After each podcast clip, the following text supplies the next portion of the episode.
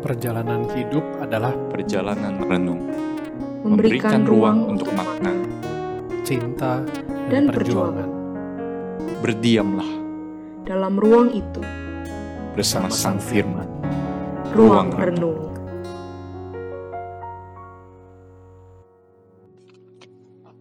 Kisah para Rasul pasal 27 ayat 20 sampai 26. Setelah beberapa hari lamanya baik matahari maupun bintang-bintang tidak kelihatan dan angin badai yang dahsyat terus-menerus mengancam kami.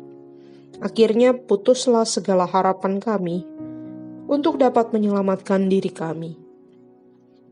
Dan karena mereka beberapa lamanya tidak makan, berdirilah Paulus di tengah-tengah mereka dan berkata, Saudara-saudara, jika sekiranya nasihatku dituruti, supaya kita jangan berlayar dari kereta, kita pasti terpelihara dari kesukaran dan kerugian ini.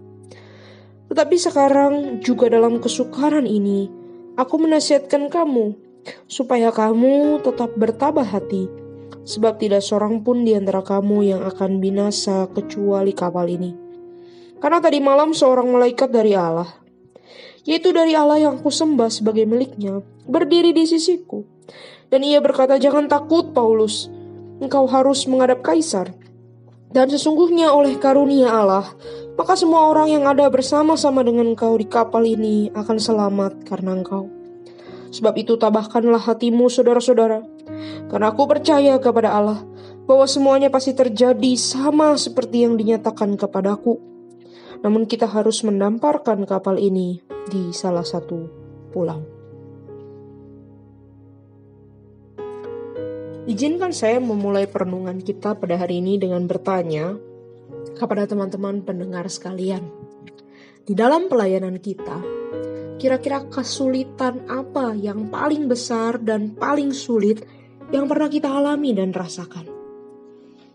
Apakah itu kekurangan uang? Apakah itu kegagalan mempersiapkan acara yang bagus?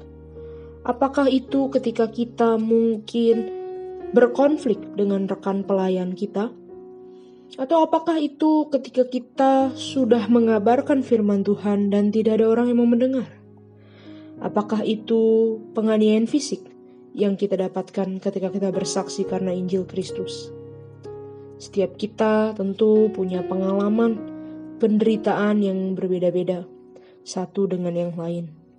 Ada orang-orang yang harus mengorbankan emosinya, hatinya, perasaannya. Ada juga orang-orang harus mengorbankan keluarganya, uangnya, hartanya, bahkan tubuhnya sendiri di dalam pelayanan Injil Kerajaan Allah. Dalam teks yang kita baca tadi kisah para rasul pasal 27, kita sudah tiba perenungan kita di bagian akhir kisah para rasul 27 dan 28 cerita ketika Rasul Paulus dan rombongannya akhirnya menempuh perjalanan menuju Roma lewat Italia. Di tengah-tengah pelayaran itu dikatakan di pasal 27 yang tadi kita baca, kapal mereka terombang-ambing menempuh perjalanan yang sangat sulit dan kemudian terkandas. Sebenarnya Paulus sudah mengatakan di dalam uh, pasal 27 ayat yang ke-10, Paulus sudah lihat karena mereka menempuh perjalanan berat jauh dan tetapi hasilnya sepertinya nggak ada dan tambah lama tambah sulit. Paulus katakan begini, Saudara-saudara aku lihat bahwa pelayaran kita akan mendatangkan kesukaran-kesukaran dan kerugian besar. 27 ayat 10. Bukan saja bagi muatan dan kapal, tetapi juga bagi nyawa kita.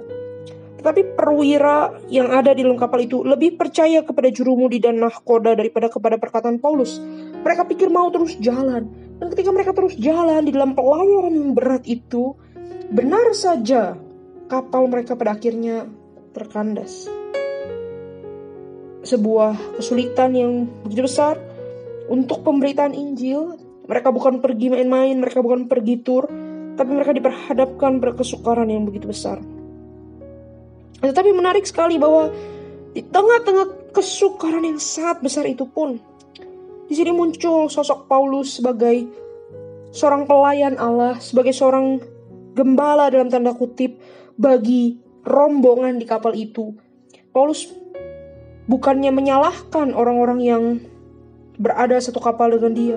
Kan udah saya bilangin, gak usah pergi. Kamu sih gak mau dengar saya. Nah sekarang kamu rasain. Kamu tanggung jawab, kamu udah menghambat pelayanan saya. Tapi Paulus nggak katakan begitu. Ketika semua orang di sana tertekan menghadapi kesulitan, tantangan, penderitaan, Paulus menguatkan mereka. Di ayat yang tadi kita baca, Paulus katakan menasehatkan, kamu harus tabah, tenang, tidak akan ada yang binasa di antara kita. Kenapa? Karena Tuhan sudah memberikan penglihatan kepadaku. Tuhan yang memanggil, Tuhan yang menjamin. Paulus tetap memberikan kekuatan bagi orang-orang di sekitarnya. Paulus percaya bahwa pelayanan yang dia jalani ini adalah urusan Tuhan. Dan ketika kesukaran menimpa, penderitaan menghadang, jalan buntu, keterkandasan dialami.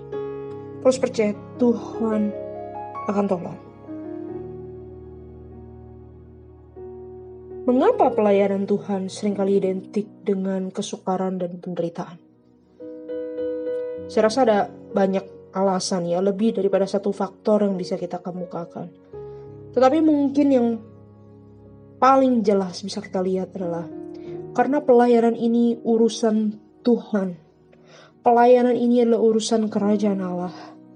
Pelayanan pekabaran Injil, pelayanan rohani, pelayanan gereja, itu adalah upaya untuk menghadirkan kerajaan Allah, menghadirkan shalom di dunia. Dan kita tahu siapa yang paling tidak suka dengan kerajaan Allah, siapa yang paling tidak suka dengan shalom. Dialah iblis, bapak segala pendusta, penguasa kerajaan kegelapan. Semakin gencar pelayanan dilakukan, akan semakin keras iblis menghadang. Semakin gencar pelayanan dilakukan, akan semakin keras iblis memukul dan menyerang. Pelayanan itu adalah sebuah peperangan rohani. Iblis tidak pernah suka melihat sebuah pelayanan dikerjakan. Tetapi juga mungkin bagi para pelayan itu sendiri, kesulitan dan penderitaan jauh lebih banyak untuk membentuk diri kita sebagai para pelayan itu sendiri. Tuhan memperhatikan para pelayan bukan hanya memperhatikan urusan pekerjaan, pelayanan yang dilakukan.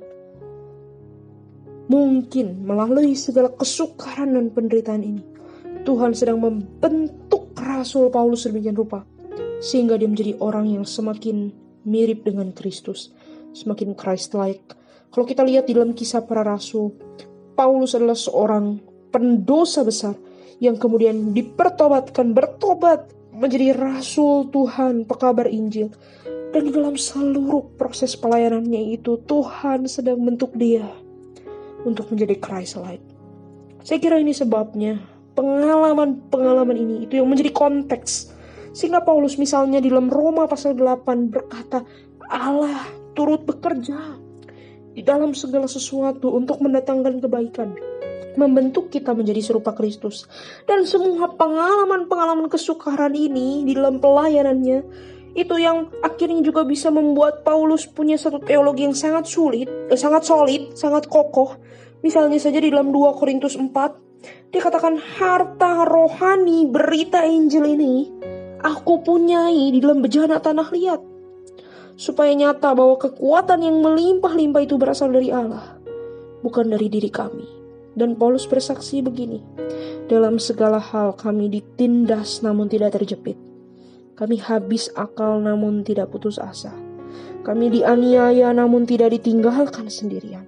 Kami dihempaskan namun tidak binasa. Kami senantiasa membawa kematian Yesus di dalam tubuh kami, supaya kehidupan Yesus juga menjadi nyata di dalam tubuh kami.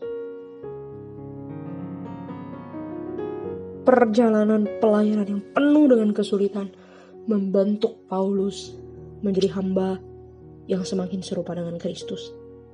Dan memang bukankah jalan penderitaan ini adalah jalan yang Kristus itu sendiri tempuh bukan?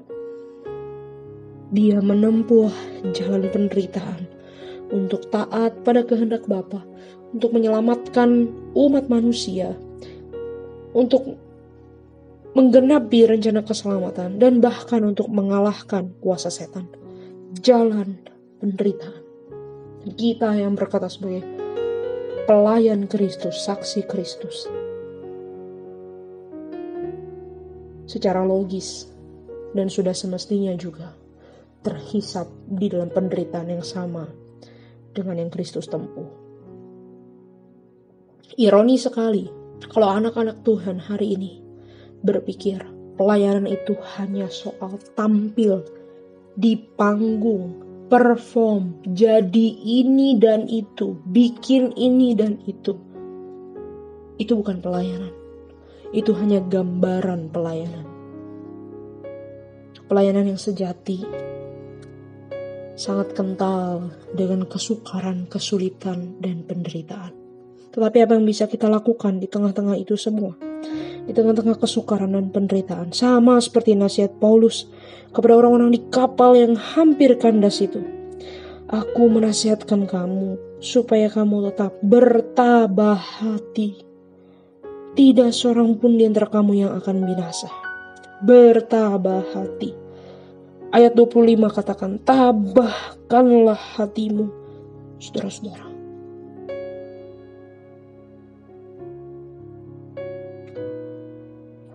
Apa karakteristik yang sering kali kita gambarkan di dalam bayangan kita untuk menggambarkan seorang pelayan ideal? Mungkin seorang pelayan ideal harus setia, berkomitmen, mau latihan, mau ikut rapat, mau ikut doa, mau memenuhi semua syarat. Tetapi satu hal yang sering kali kita luput pikirkan dan luput sebutkan, tapi sangat penting sebenarnya. Kualifikasi seorang pelayan. Ketabahan. Sejauh mana kita bisa tabah di dalam jalan mengiring Tuhan. Jalan yang mungkin tidak mudah. Ketabahan artinya adalah sikap hati yang rela terus-menerus menanggung apa yang sedang dijalani. Meskipun itu terasa sukar dan sulit. Ketabahan artinya percaya bahwa Tuhan merancangkan segala sesuatu, bahwa Ia tidak pernah salah, bahwa Ia akan senantiasa mendampingi kita, dan bahwa Ia memegang garis akhirnya. Saya teringat dosen saya Pendeta Rahmiati selalu bertanya, pelayanan ini punyanya Tuhan, bukan punyanya kita sendiri. Kalau kita sulit, kalau kita nggak kuat, minta sama bosnya kekuatan, bilang sama bosnya, biar bosnya yang menolong kita. Sejauh mana Anda dan saya tabah di dalam penderitaan, tabah di dalam pelayanan. Ini juga hal yang sangat tidak mudah bagi saya. Seringkali ketika kita mendapati pelayanan begitu sulit, kita ingin mundur atau keluar. Kita ingin quit. Tapi firman Tuhan mengatakan kepada kita, belajar tabah. Melalui pengalaman pelayanan dan kesukaran di dalamnya, Tuhan sedang membentuk kita untuk menjadi semakin Christ-like dan Tuhan sedang mengajarkan kita bahwa pelayanan itu bukan tentang kita, tapi sepenuhnya tentang Tuhan. Caranya Tuhan, agendanya Tuhan, cara kerjanya Tuhan yang mungkin sama sekali tidak pernah bisa kita pikirkan dan bayangkan. Selamat melayani, selamat berjalan di dalam ketabahan. Kiranya kasih Allah menguatkan kita semua. Amin.